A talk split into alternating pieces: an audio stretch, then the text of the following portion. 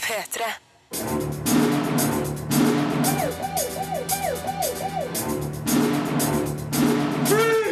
Filmpolitiet!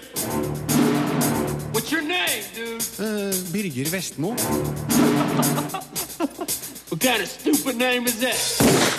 Hot Pursue er en mislykka actionkomedie. Shihiro og heksene er fremdeles en av tidenes beste tegnefilmer. While We're Young er en morsom og trist film om generasjonssjalusi. Og Sommer i Toskana er et varmt og fint drama om trang forhud. Ja da. I tillegg til anmeldelser av de her premierefilmene får du møte regissør M. Night Shyamalan og filmstjerna Matt Dillon. De er straks aktuelle i TV-serien Wayward Pines, som òg skal anmeldes. Du får òg høre om Filmpolitiets interaktive Game of Thrones-kart. Og vi diskuterer denne ukas viktigste nyheter fra film- og seriefronten. Filmpolitiet Filmpolitiet anmelder film.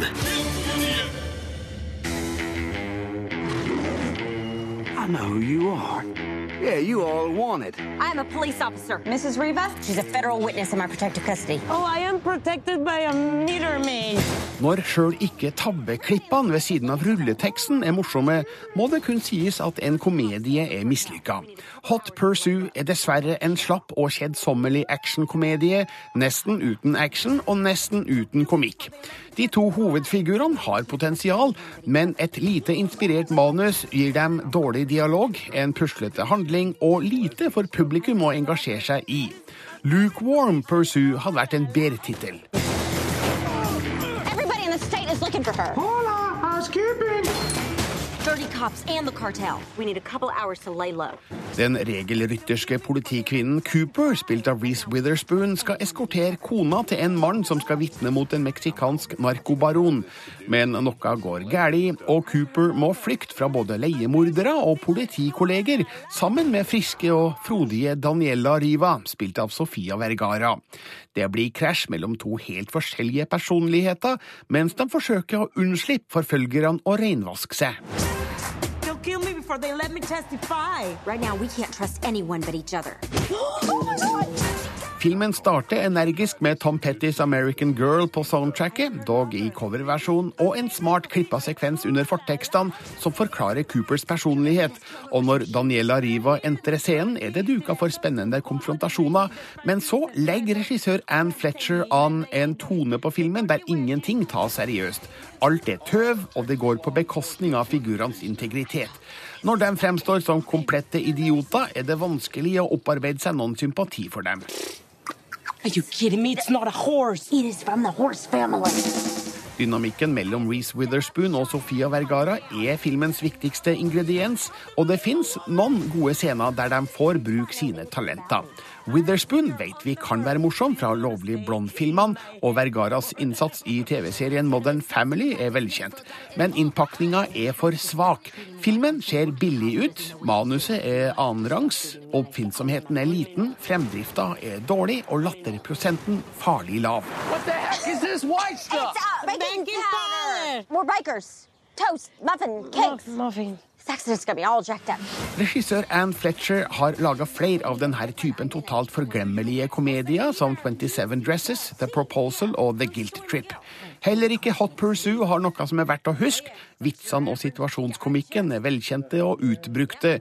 Nyskapning virker å være et fremmedord her. Man kan lure på om Reece Witherspoon gjør denne typen filmer av strategiske årsaker, ikke kunstneriske. Det er ingen skam i det, men da burde hun satse på langt bedre prosjekter enn Hot Pursue.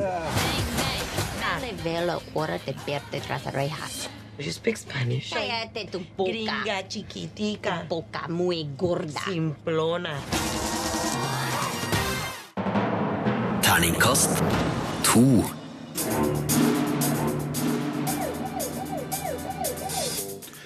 Trailerne til den nye TV-serien Wayward Pines har skapt store forventninger. Den har premiere i 126 land 14. mai, i Norge på Fox. Det handler om en Secret Service-agent på jakt etter to kolleger eh, som har forsvunnet. Men idet han kommer inn til Wayward Pines, en liten hyggelig by, så viser det seg at det skal bli vanskelig å komme seg ut igjen. En eh, knallbra cast med bl.a. Matt Dillon, Melissa Leo, Toby Jones og Jennifer Lewis. Mona B. Riise har møtt regissør av eh, den første episoden og produsent av serien, M. Night Shyamalan, og hovedrolleinnehaver Matt Dillon. Først forteller Shyamalan hvorfor han lot seg lokke til TV-ruta. So, what exactly are you doing here, Mr. Secret Agent Man? Missing persons investigation. Well, I hope you find what you're looking for. Regissør M. Night Shyamalan har laget mange alternative virkeligheter. Han er kjent for filmsuksesser som Den sjette sansen, men også fiaskoer som After Earth. Dette er første gang han har sagt ja til å gjøre TV, etter å ha lest Blake Crouch bøker om Wayward Pines. the tone, the humor of it, that kind of weird, dark humor. I, I loved it. I was just, that was the exact headspace that I was in. I was writing this movie, which ended up being The Visit for Universal, which is coming out this year. And that was also very dark and twisted. And, uh, and I, was, I just was in that headspace of, I want to tell this kind of story with this kind of humor in it. And so that was the first thing. But then the mystery was really, how could she have been living here 12 years? How could, you know, and when you find out the answer, it just goes click and everything everything feels fantastic. Hello? You must kill the man in front of you. M. Night lager som oftest fortellinger med et overnaturlig element. For me, conversations about supernatural or things of the unknown, science fiction, things like that, become meaningful because they make us talk about larger subjects. Where are we in the world? What happens after life and death? Are we meant to keep going? Is the human race a good thing or a bad thing? These kind of questions are meaningful conversations to have, but to not be so direct and talk about it as religion or just science. I tillegg til det overnaturlige liker Shyamalan at det er skummelt. because we, we feel present, we feel alive, we're feeling. You're not thinking about your, your mortgage or your, your other things and you get very focused. That's a pleasing feeling, you know, to feel that. And I think going through a narrative where you feel scared and then most of the time you're, you're safe afterwards uh, is a nice journey to go on. It's kind of, it makes you feel better. Follow the rules. They're trying to break your mind.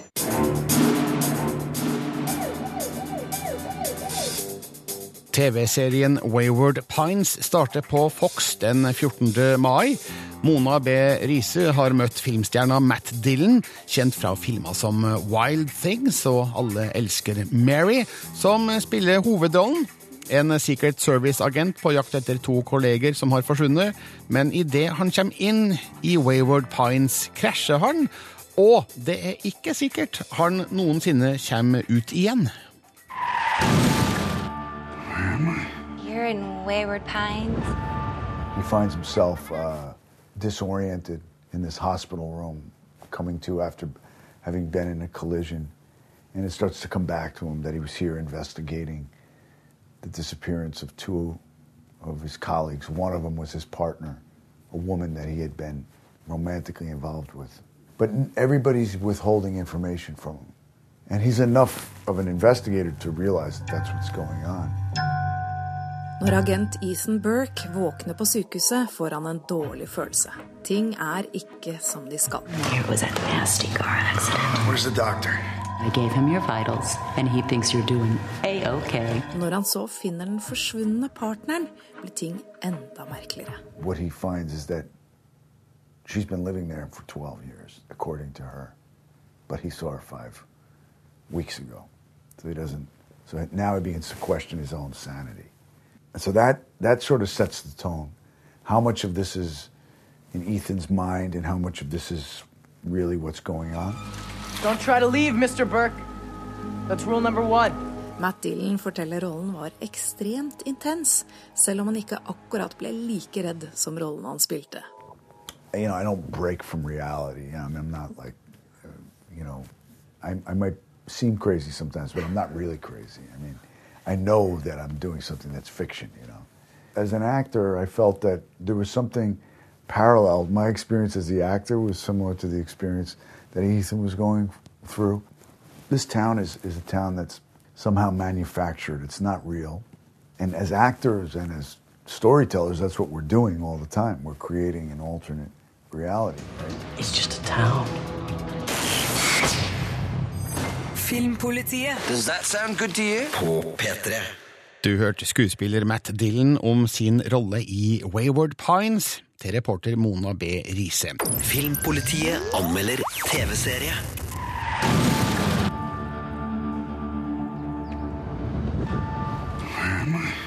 You're in Wayward Pines.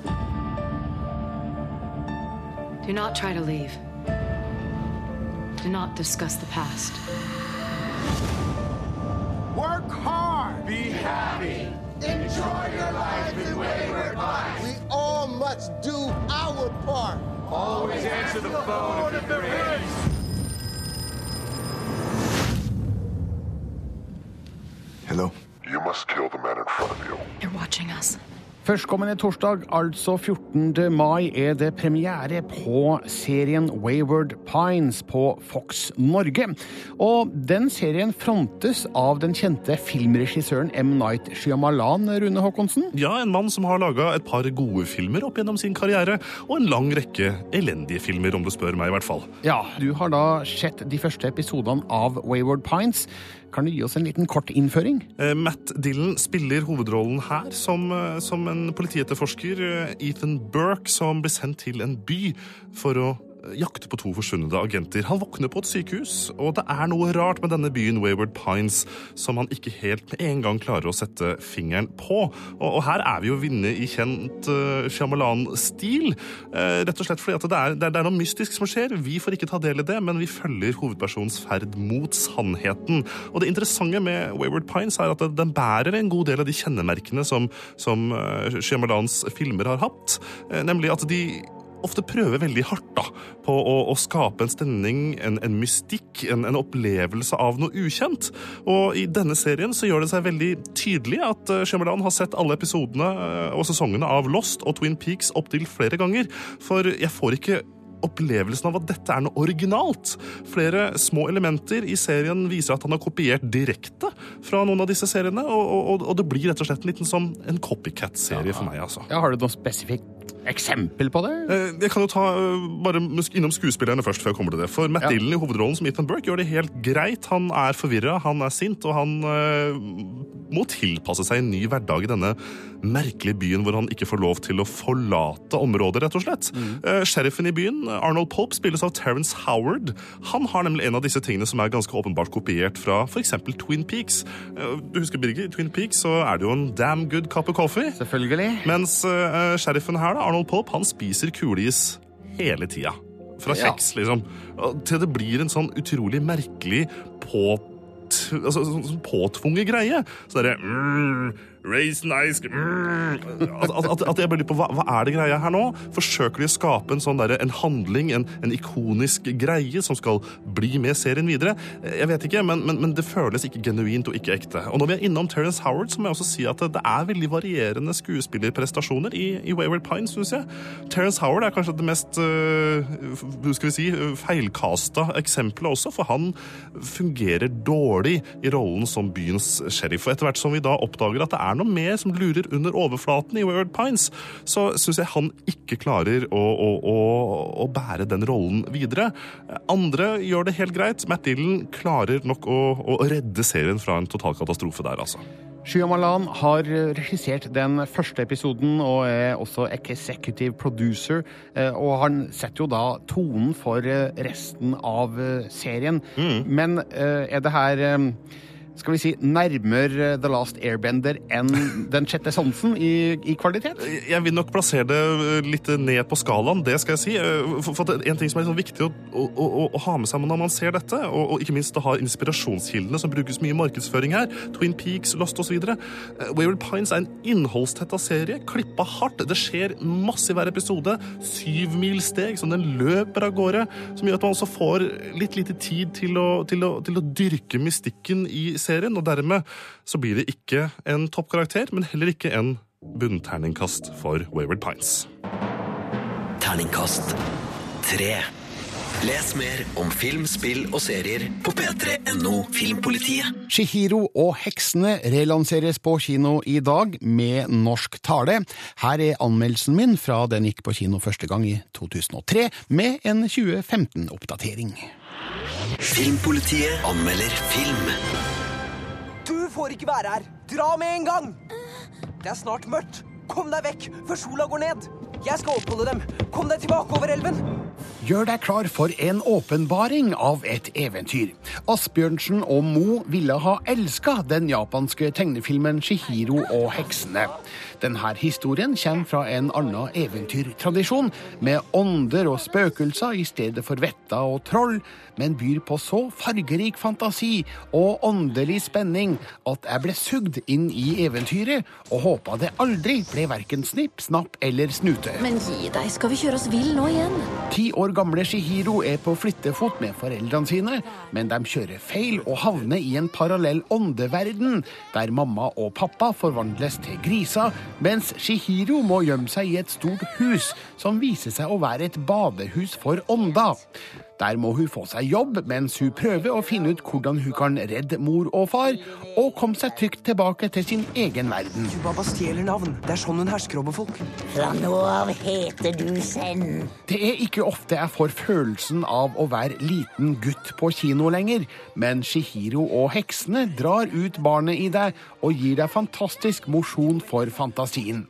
Helt fra første stund kastes du ut i et eventyr der det stadig er nye overraskelser, nye ånder og nye farer i vente. Shihiro er ei modig jente, omgitt av fantastiske kreaturer, som jeg lurer på hvordan de har klart å fantasere frem. Disney har ikke sjans til å gjøre det her bedre. Hold kjeften på deg!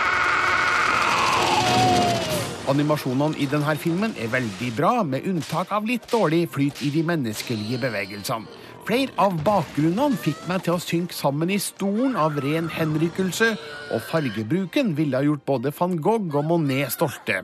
Shihiro og heksene er laga av Hayao Miyazaki, som òg sto bak prinsesse Mononoke, en annen storslagen japansk tegnefilm. Hans siste verk er rett og slett en av tidenes beste tegnefilmer, og jeg håper at det norske publikum forstår at det her faktisk er nøyaktig det som reklamen sier, en magisk tegnefilm for all mellom 8 og 80. Har ikke reddet Til nå har du hørt anmeldelsen jeg skrev da Shihiro og heksene gikk på kino for første gang i 2003, men nå, ved relanseringa i 2015, er filmen for første gang tilgjengelig med norske stemmer. Dubbinga er nydelig utført av bl.a. Eira Elise Øverås, Kari Simonsen, Malin Pettersen, Mikael Aksnes Persson og Even Stormoen i de største rollene. Den norske stemmelegginga treffer filmens tone og stemning perfekt, og har gjort filmen tilgjengelig for barn som ennå ikke har lært å lese undertekster. Dermed fins det ingen unnskyldninger lenger. Norges foreldre må utsette barna sine for Shihiro og heksene.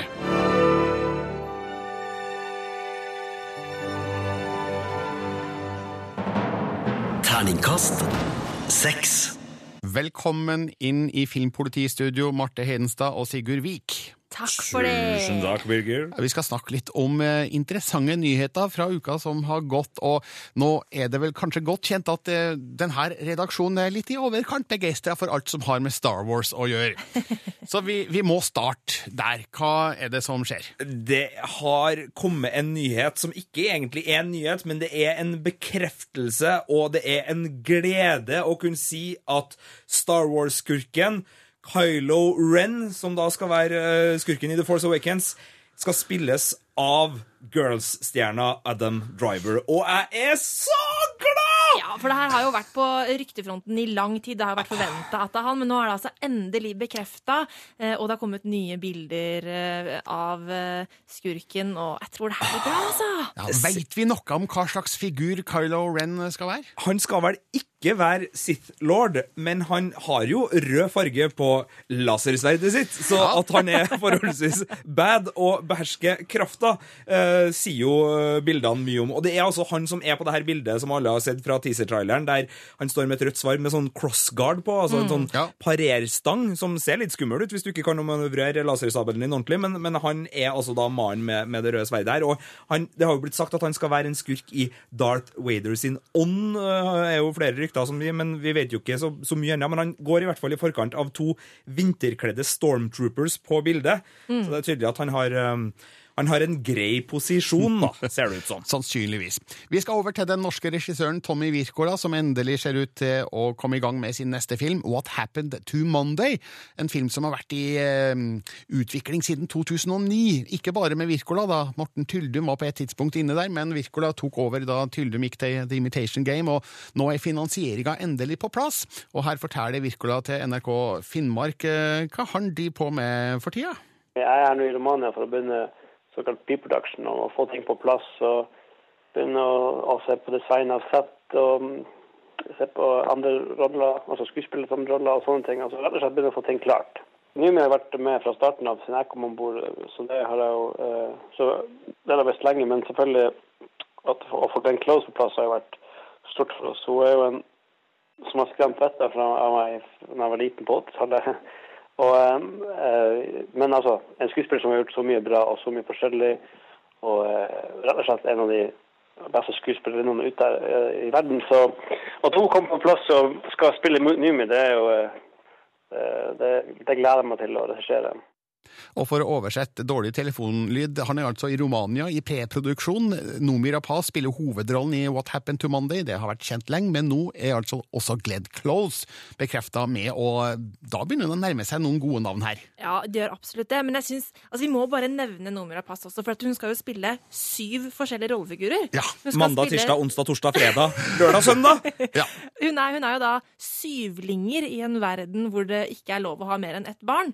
Jeg tror Det her kommer til å være en kjempeutfordring for henne, da, å liksom Ja. spille syv helt forskjellige rollefigurer. Og det blir også interessant å se hvordan Tommy Wirkola takler det her. Etter flere sjangerfilmer så Mm. går han nå, skal vi si, litt bredere ut. Det er bredere, men det som jeg syns er så fint med Tommy Wirkola sine, da, sine dager framover Han er i Romania, han har 20 millioner dollar og skal prøve å finne en verden som han skal kose seg litt med Naomi Rapaz og Glenn Close i, og, og, og potensielt noen flere stjerner også. Det, det høres jo ganske artig ut. Veldig kort eh, til slutt. eh, Jeg bare så på nett eh, i sted. altså Cannes-festivalen er jo ganske nær i neste uke, og, og masse prosjekter skal selges der til filmbransjen. og Et av dem er en spoof av eh, Fifty Shades of Grey fra Marlon Wayans, kalt Fifty Shades of Black. Wayans-brødrene tilbake Noen med som, et noen, eh, band. noen som vil se den? Ja!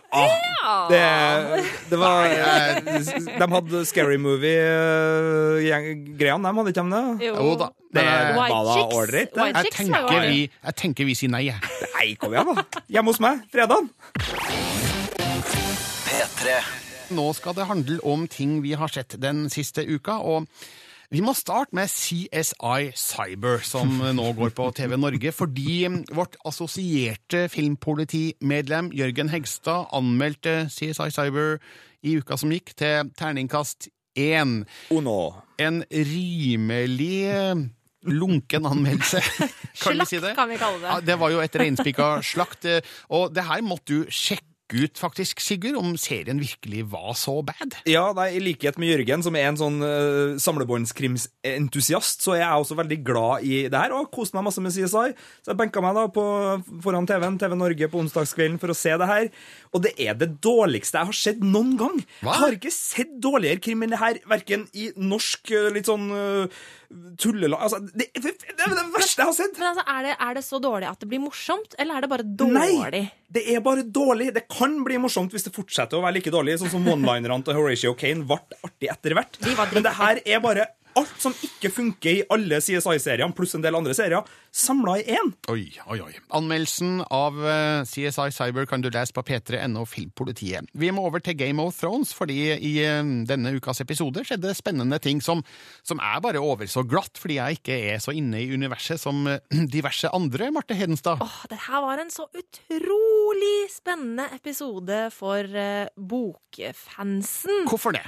Eh, altså, hvor mye er det vi kan si? Nei, Du må jo nevne hva det var Ja, som var altså, var spesielt. Det, det handler Det er en teori. om Jon Snow. Det handler om Jon Snow, Ja. og det er en teori her. Det er en teori. Skal jeg bare si den? Ok, Det, det teorien går ut på, det er eh, et Nei, lite regnestykke. Et lite regnestykke. ja, ja. Eh, Og regnestykket går som følger. R pluss L er lik J. Skjønner Og det handler om hvem Jon Snows foreldre er. Ja, så mye okay. kan jeg si. Og det, Mm. i, denne, I denne episoden var det masse hint eh, om John Snows foreldre. Og jeg er veldig usikker på hva kan jeg si? Hva, får jeg lov å si Nei, du, hintene? nå hører jeg liksom at folk griper om gaffelen og Ja. kniven sin rundt om i, på kjøkkenbord og lunsjbord og er liksom klar til å slakte oss hvis vi sier noe for mye. Martin, Så, okay, okay. så jeg tror vi bare skal liksom vi, vi, Søk det opp. Ok, Søk Men- men J pluss mye- R pluss eh, L er lik J. Søk Ja. på det hvis du vil vite det. Og det kom masse Ja. snadder til den teorien i episoden som var men, nå. men dette var jo hint som da de som ikke har lest bøkene, ikke la merke til i det hele tatt. Um, det var, kan du si hvilke scener det var, kanskje. Eh, For eksempel scenen med Sansa og Littlefinger nede i krypten. Der er det et veldig hint. Uh, scenen der Stannis eh, snakker med kona si, uh, er et eh, hint.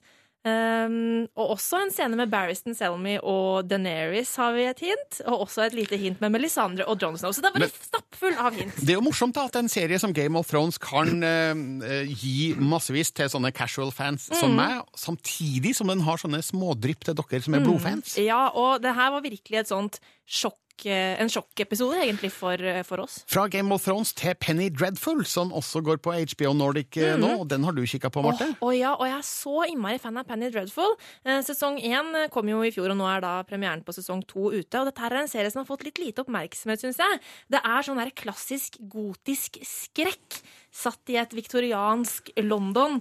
Eh, og vi følger da Eva Green og Josh eh, Hartnett eh, i kampen mot Satan sjøl. Mhm. Det er veldig, veldig spennende. Det som er så kult, er at det er masse sånn kjente figurer med, som du kjenner Mhm. fra andre. Sånn Det Frankensteins monster dukker vel opp. Og, og Ja, det er ja, litt sånn... Dorian Gray dukker opp, og ja, det er veldig mye kjente figurer fra litteraturen da, som er da smæla sammen i én spennende historie. I Penny Dreadful på HBO Nordic. Takk, Sigurd, og takk, Marte. Filmpolitiet anmelder film. Det skal anmeldes mer film her i Filmpolitiet. While We're Young har premiere i dag med Ben Stiller i en av hovedrollene. Sigurd Vik er vår anmelder. I like our life as it is. Yeah. I mean, if we wanted to take off to Paris tomorrow, we could. If we're going to do it, we should plan it at least a month in advance. A month is still in the realm of spontaneity. While We're Young er en morsom og trist historie om noe så småkleint som generasjonssjalusi. En film som treffer godt om ungdommens berusende makt og romantiseringa av fortida. Og som sender 40-årskrisa ned i hipsterkaninhullet. I remember when this song was just considered bad. But it's working. Ben Stiller spiller Josh, en tidligere treffsikker dokumentarfilmskaper som har mista skapergløden. Han har blitt en 44 år gammel barnløs filmlærer som traver hverdagen i et halvslukna ekteskap med kona Cornelia. Men så møter han den unge filmskaperen Jamie og hans kone. We met this interesting couple. You came! He's a young documentarian, and she makes ice cream. How old are they? 20 25, 26. 26, 27. They're children. De lager organisk iskrem, spiller i ironiske band, syns film er best på VHS, og at byen oppleves best fra bak bukkestyret på en vintage racersykkel. De lever altså i en eneste lang hipsterfest, men det eldre paret blir besnæra. De har lyst til å leve som 25-åringene. What's the rumpish, rednecks? I like how engaged they are and everything. It's like their apartment is full of everything we once threw out, but it looks so good the way they have it. Det her er skuespillernes film. Ben Stillers Josh er en sint og foraktfull mann, og vi har sett Ben Stiller spille sint mann med stort hell før, i alt fra Friends via Starsky and Hutch til Meet the Fuckers. Men denne gangen så er ikke han bare sint. Den er mer troverdig, denne forakten. Den er litt sår også. Og det gjør det litt vondt å le med Ben Stiller denne gangen. It's all a pose. It's like he once person he's been imitating him ever since. Go back inside! Adam Driver har både autoriteten og den gutteaktige sjarmen til å klare balansen mellom oppriktig livsglad og truende kynisk. En dualitet som gjør at Jamie sin noe lattervekkende hipster aldri blir karikert eller kjedelig. Let's have kids. I don't want this to be every time you take a hallucinogen you want to have a baby. Not every time. Det er en prestasjon å blande sitater fra Henrik Ibsen, eh, Ben Stiller, ungdomslengsel, hipsteranalyser og Paul McCartney sin slentrende Let Them In til en naturlig og helhetlig underholdningsfilm. Så Fedora-hatten av til regissør Noah Baumbach. Terningkast fem. Filmpolitiet anmelder film.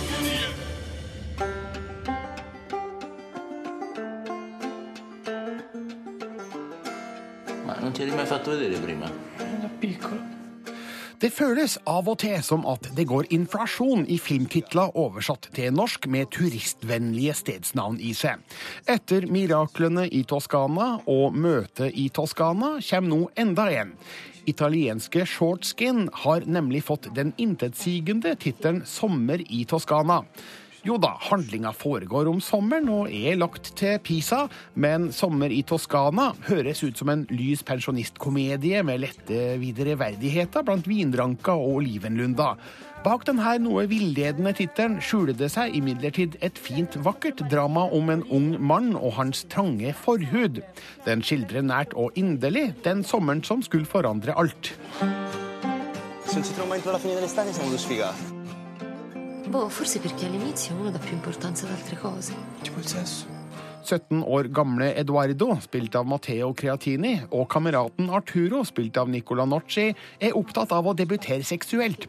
Det vil si, Arturo er ivrig, Edo ikke fullt så mye. Han sliter nemlig med et hemmelig problem, trang forhud, som vil gjøre sex til en smertefull opplevelse. En uventa utvikling i vennskapsforholdet til nabojenta Bianca, spilt av Francesca Agostini, samt møtet med den rocka Elisabetta, spilt av Mariana Rashilla, tvinger Edo til et oppgjør med sitt store problem.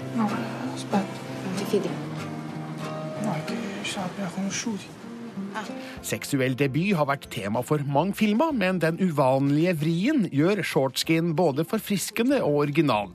Det fins en parallell til American Pie her, bare at pien er bytta ut mot noe annet som jeg har liten lyst til å avsløre her. Men regissør Duccio Ciarini bruker ikke situasjonen til å skape spekulativ humor. Han skaper i stedet en var og forsiktig film med varme, fine figurer. Matteo Creatini er flott i rollen som lavmælte og sjenerte Edo. Lang, hengslatt og uferdig i limbotilværelsen mellom ungdom og voksen.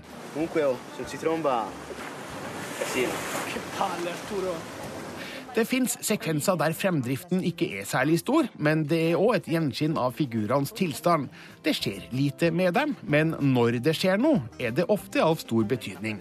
Historien er prega av den usikre, famlende og prøvende tilværelsen til 17-åringer på terskelen til voksenlivet. Det er mye å kjenne seg igjen i, mye å nikke anerkjennende til og mye å smile overbærende av. Sommer i Toskana er, til tross for den norske tittelens ulidelige publikumsfrieri, en fin film om veien mot den første gangen. E.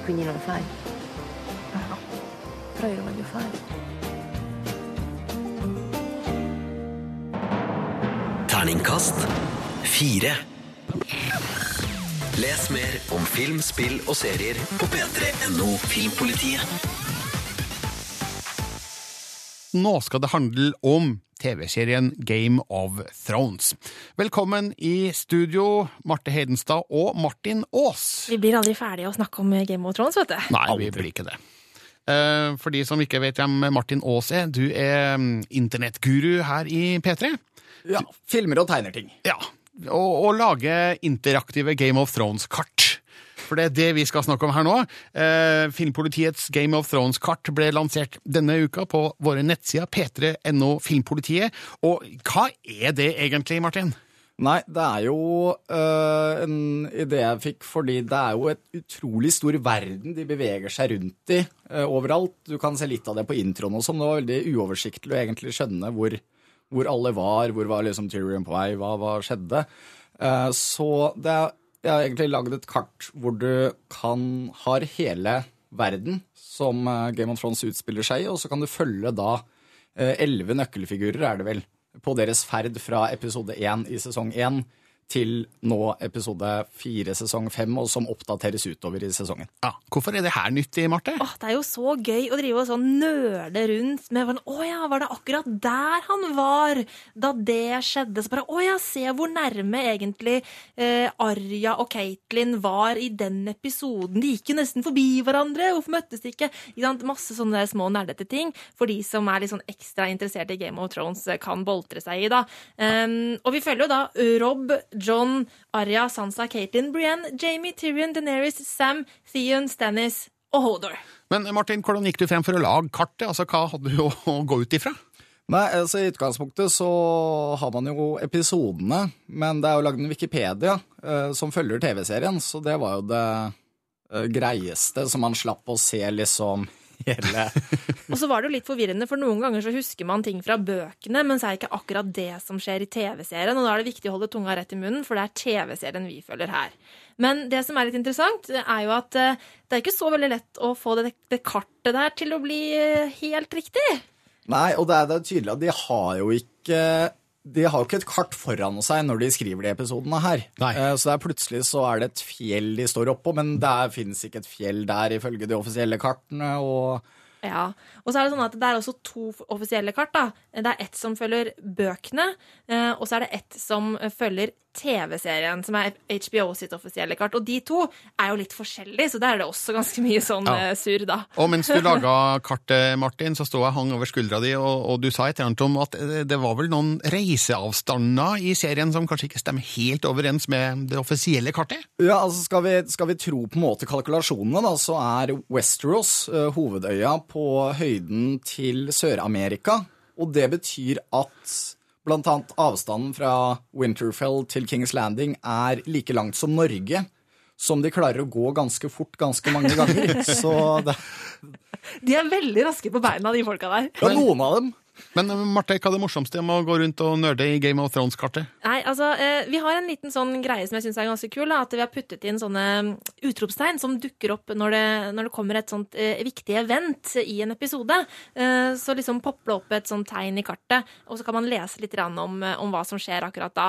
Eh, men det jeg syns kanskje er det gøyeste, er å se hvor de forskjellige rollefigurene er i forhold til hverandre. Mm. For det, selv om på en måte man jo veit altså hva det heter der de er, når man ser TV-serien, så har man kanskje ikke helt oversikt over akkurat hvor de forskjellige tinga ligger hen, da. Så det syns jeg er kult. Marte Hedenstad og Martin Aas, tusen takk. Gå inn på p3.no Filmpolitiet for eh, Filmpolitiets interaktive Game of Thrones-kart. P3. Ok. Nå har Birger gått. Nå, nå har Birger gått. Birger har gått. Da, Det betyr da kan vi snakke litt friere. Da kan vi snakke litt friere. OK. Om Game of Thrones. Om Game of Thrones. I sendinga som du nettopp har hørt, så hørte dere jo at vi snakka litt om denne, denne R pluss L er lik J. Men nå stopper vi her, og så sier vi spoileradvarsel, spoileradvarsel, spoileradvarsel, Vil du ikke vite noe som helst om fanteorier, hint i TV-serien, hint i bøkene, noe som helst? Nå må du bare, bare skru av podkasten nå. skru av. Bare skru av. Slett. Bare drit i det. Men hvis du har lyst til å høre om fanteorier og teorier og hint eh, fra TV-serier og bøker og alt mulig sånt, Og til en liten historie om den mest potensielt spennende, Ja. superavslørende, kuleste Game of Thrones-episoden ever! da må du høre på! Da må du høre på. For akkurat det vi skal snakke om da. Ja. Den episoden som var nå, Åh, det var så utrolig spennende, spesielt for eh, oss som har lest eh, bøkene, fordi Ok, Vi kan jo kanskje bare presentere det som er den aller største fanteorien i eh, Game of Thrones, altså, i A Song of Ice and Fire-universet. Det er jo den teorien om hvem som er John Snows virkelige foreldre. ja. Og hvis du ikke har lest uh, verken teorier eller bøker, eller noe som helst, så blir det kanskje 'hæ? Er det ikke bare Ned som er eh, faren til John Snow, og en eller annen hore ute på landsbygda? Det strides de lærde om. For Ned har vel sagt at John Snow er av hans blod? Ja. Men ikke nødvendigvis påstått at det er hans sønn, sånn Nei. liksom fra sæd til livmor til, til baby. Ikke sant. Eh, og vi kan jo kanskje bare rett og slett begynne med begynnelsen. I den første episoden av Game of Thrones så får vi jo forklart eh, hvordan, eller hvorfor eh, Robert Baratheon startet egentlig denne krigen mot Targaryen-slekta. Og det er jo fordi at han var jo vilt forelsket og skulle gifte seg med Liana, søsteren til Ned Stark. Men så ble hun da altså kidnappet, voldtatt, av Rhaegar Targaryen. Som er broren til Daenerys Yes, Targaryen, ja. hun med dragene. Ja, eh, og derfor startet han da denne krigen, og eh, slakta ned eh, The Mad King og resten av Targaryen-slekta. Og selvfølgelig kjipt gjort det, tenker Ganske man da. gjort, altså, kjip, Man kjip fyr fikk det som en fortjent, for uh, Lyanna Stark var jo, skulle jo bli kona til Robert Baratheon og, og alt det der. Så, så, Mm. ja. Men så har det jo da vært uh, ymta frampå i ulike ting, også i bøkene, om at uh, kanskje ikke var sånn det skjedde. Mhm. Og så kom da denne episoden nå uh, sist, som tok litt tak i det. Og det er fire ting som uh, er veldig viktige her nå. For vi kan jo ta teorien. Altså Mhm. R pluss L er lik J er da Rhaegar pluss Lyanna er foreldrene til Jon Snow. Ja. Det er det som er teorien her. Og det er den kanskje mest populære fanteorien som eksisterer. Eh, og, og det som Det betyr jo eh, det, det kan jo bety altså slutten på hele smæla.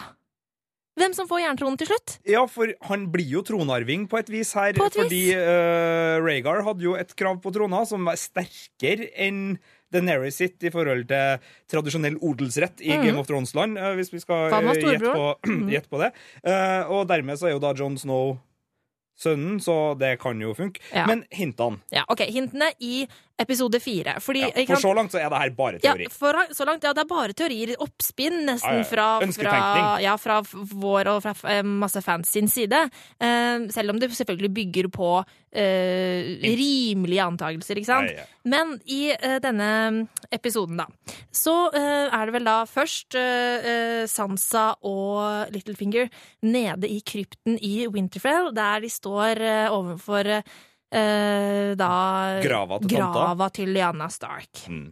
Og så snakker de litt om Liana og, og liksom hvor eh, flott hun var og sånn, og så sier Sansa noe sånt som um, And then he uh, kidnapped uh, her and raped her, eller et eller annet sånt. Ja, og da, og da retter jeg på Littlefinger, som har sagt at he chose your aunt. Altså Ja. Rhaegar valgte tanta di, og så sier Mhm. Sansa sånn Ja ja, hvis du mener at han valgte deg ved å voldta på og Ja. drepe. Men her sier jo egentlig Littlefinger Ja. at det ikke var så ufrivillig. Ikke sant? For Littlefinger forteller om, om, denne, om dette um, Hva heter det? Sånn uh, event? Sånn ridder... Jeg tror, jeg tror de kalte det event. ja. det er sånn, eventplanlegger. Eh, Nei, men uh, turneringsmanager. eh, eh, eh, Ridderturnering! ja. ridderturnering. Eh, eh, Ja. En, eh, ja. en veldig kjent, en ridderturnering i Harrenhal, da, som, eh, der eh, vant. Og istedenfor å eh, ri bort med en blomst eller hva det er til kona si, så gir han blomsten til Lyanna. Fordi han da selvfølgelig er forelsket i henne. Og så sier Sansa 'and then he raped and murdered her'. Men da ser Littlefinger litt sånn vekk, Mhm. og så sier han ikke noe. Han kommenterer ikke eh, Sansas eh, kommentar der. Og er det én ting vi Hmm. kan være ganske sikre på, så er det at Littlefinger knows. Altså, han er et skikkelig rasshøl, ja. men han vet ting, han, altså. Det gjør han. Ja. Og så hint nummer to. Det er eh, i scenen der Stannis snakker med kona si, eh, og, og kona Kan jeg bare si, hun Ja. kona hun liker ikke jeg. Hun ing- kona nei, til Stannis hun er en skikkelig kjip dame. Hun er en dårlig mor, og hun er grå og kjedelig og bitter. Og apropos, apropos at hun er dårlig mor, så fin den scenen var med Stannis og datteren hvor han eh, er en god far. Åh, da ble var- jeg skikkelig rørt. Det var en av Og det virkelig ga Stannis liv, mener jeg. Det var det som punkterte den der Jeg gidder ikke å bry meg så mye om Stannis-skjermen, og så bare sånn wow. Fordi han har vært en sånn er derre stein stein som på en måte bare jeg gjør bare det som er rett, jeg bryr meg ikke om noen uansett. Alt som er rett, skal gjøres. Ja. La, la, han er veldig sånn. Men så den der varmen han hadde for datteren, jeg fikk jeg litt sånn Å, du er faktisk et menneske. Men uansett, han snakker med kona, eh, og så tror jeg eh, Så sier um, Kona sitter og slenger dritt om ja, Jon Snow. Han der sånn Mora The hennes er ei hore. son Ja, ja, of. Winterfell. Ikke sant? Og så sier sånn Stanley sånn litt sånn tankefullt sånn Perhaps that wasn't Ned Starks way. Ja, litt sånn altså- tankefullt. Ja, du kan ha rett, eh, kone, men det var jo ikke sånn Ned Stark var. Og det er vel eh, inne på kjernen her Ned Stark er vel heller typen da til å ta seg av sin søsters forlatte barn Ja. og kalle John, altså kalle han en, en, eh, sitt eget uekte, fordi han er så, såpass ærefull at han er Mm. villig til å ofre sin egen ære Mm. for å, å la det her gå inn. I Ja, teorien, da. I teorien. Og, for det er jo egentlig kanskje akkurat det Neds ære hele denne teorien bygger rundt. For det virker så lite sannsynlig at den mannen her som er villig til å eh, dø istedenfor å på en måte lyve og fortelle usannheter, eh, han, at han liksom skulle gått og hatt seg med hore, det virker ikke sannsynlig. Eh, og det som er på en måte Altså hvis det hadde kommet frem, da, eh, om denne teorien var sann, da, om Liana hadde fått barn med Rhaegar, og dette hadde kommet frem, så hadde jo Robert Brathin klikka. Og det er derfor han jo aldri kunne, for, kunne fortalt uh, hvem John eventuelt virkelig var, for da hadde han jo blitt drept, vil jeg anta. Ja. Og så kan vi også legge det her uh, for min egen del. Jeg syns også Robert Baratheon var en skikkelig hestkuk. Men det er, er nå så. Jeg har ikke noe mye til overs for Neste hint! Neste hint. Da drar vi over til Drageland. Ikke ennå! Ikke ennå!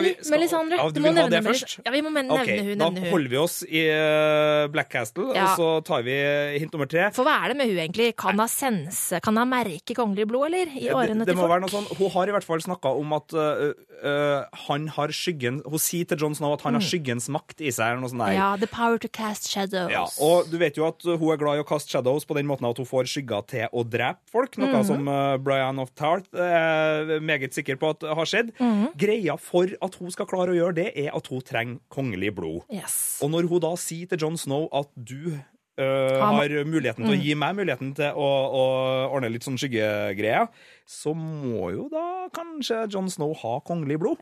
Og det har han jo ikke via Ned Stark, egentlig, sjøl om Ned eh, tilhører The King of the North-familien Stark.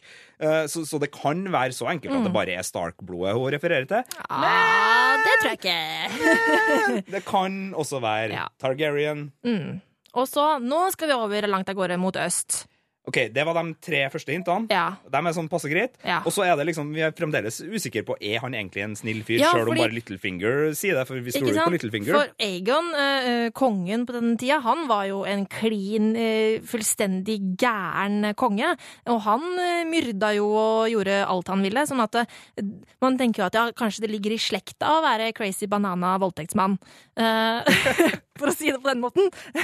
Men det kan jo virke som at Rhaegar eh, ikke slekta på, eh, på Egon, Aegon, da. I hvert fall så er sir uh, Barastian Nei, Barristan Selmy Se- Der, det ble, uh, Den gamle kongegarden. Yes. Som eh, jo da selvfølgelig kjente den kongelige familien Targaryen godt, og som da tjener Daenerys eh, eh, etter hvert, eh, og gjør det i episode fire han gir jo alt, for å si det sånn. Eh, Men eh, han har en fortelling da om eh, Daenerys sin bror Rhaegar, som er ganske fin. Og han forteller om liksom hvor elsket Rhaegar var av folket, at han pleide å gå liksom rundt og spille harpe for de fattige, og liksom Altså, det var Kan ikke vi få på litt sånn middelaldermusikk i bakgrunnen her, så vi liksom Jo. får sittet litt Jo sånn stemninga? For jeg Mm. han litt sånn poetisk type rusler rundt sånn Hei, søta. Det her er Rhaegar som spiller ja. Det, ja, det, er, det er ikke sånn hei, søta. Det er sånn, Å, sånn, det er sånn, nei, det er sånn hei, fattige menneske, jeg spiller og får inn penger, og så gir jeg de til deg. Oh, og han var jo sånn, liksom. Du ser ikke for deg en litt sånn halvslesk romantiker Nei, nei, også? nei, nei er en sånn. Don Juan, tenker jeg. I, Han var, en, han var en romantiker, tenker jeg. Det er sånn han blir fremstilt, i hvert fall. ja, som en Eh, good guy. Skikkelig good guy. Skikkelig good guy. Og da eh, Og dette her er jo da Når vi liksom hører dette mot den gamle historien om at han har eh, kidnappet og voldtatt, så, blir, så det, det butter. Ja, det skurrer. Det skurrer. Og så er jo greia at hver for seg så er jo de her hintene sånn OK, de var hint, men det er ikke noe mer. Men når fire hint Mm. sånn her kommer i samme Ja. episode og man, altså, dem som lager serien, vet at det her er fanteori nummer én i forhold til Mm. hva folk kanskje har lyst til at skal skje. da Selv om Mm. det er klart mange heier på mange, altså det folk heier på forskjellige folk. Det fins jo teorier der òg, men dem trengte vi å komme inn på akkurat nå. Vi kan Mm. spare dem. Ja. Men uh, de er jo klar over det, så når det kommer fire sånne sterke hint som ikke er i boka på samme måte, Mm. så har vi jo lyst til å tro at enten så vet de at de liker å spille litt uh, puss på, på oss øh, TV-titterne, Mm. og det er for så vidt fair enough, det, eller så er det nå på gang. Ja, for det var jo som du sier at det liksom tuller de med oss. Er det her bare liksom en joke fra eh, DB Wise og eh, David Benioff sin side at de liksom nå skal, de, nå skal vi kødde med eh, leserne her litt, grann. nå skal vi legge inn dritmasse hint og så se hva som skjer. Det kan jo være det, selvfølgelig. Det er jo tidenes joke, eh, på en måte. Men, men altså, hvis det er Vi, vi hadde blikkontakt ganske tidlig på det her, Marte. Vi var Ja. ganske sikre på at nå, var det, Ja. nå, nå, nå går det den veien. Det går den veien, men det blir nesten litt sånn irritert. Ja. Fordi liksom altså, vi, Det er jo det som er problemet med Game of Thrones, at vi tar igjen eh, bøkene nå, og så blir det litt sånn derre Filler'n, nå har jeg lest disse bøkene her i sånn ti år, og så skal liksom plutselig en eller annen TV-serie bare plutselig få dette servert på et sølvfat, liksom uten at han har tenkt over muligheten for at Ned Sark ikke er faren til John Snow engang. Blir nesten litt sånn der fornærma. Sånn der, skal det være så enkelt å finne ut av dette, liksom? Jeg, jeg liker at du ikke har noe eierskapsforhold eller noe sånt der til Game of Thrones, og at du liksom ikke er noen sånn der elitist som, som føler at du har mer rett til å bestemme hvordan det her skal gå enn andre. Det er veldig fint. Det er veldig kledelig, Marte. Så beskjedent. Og, Veldig beskjedent.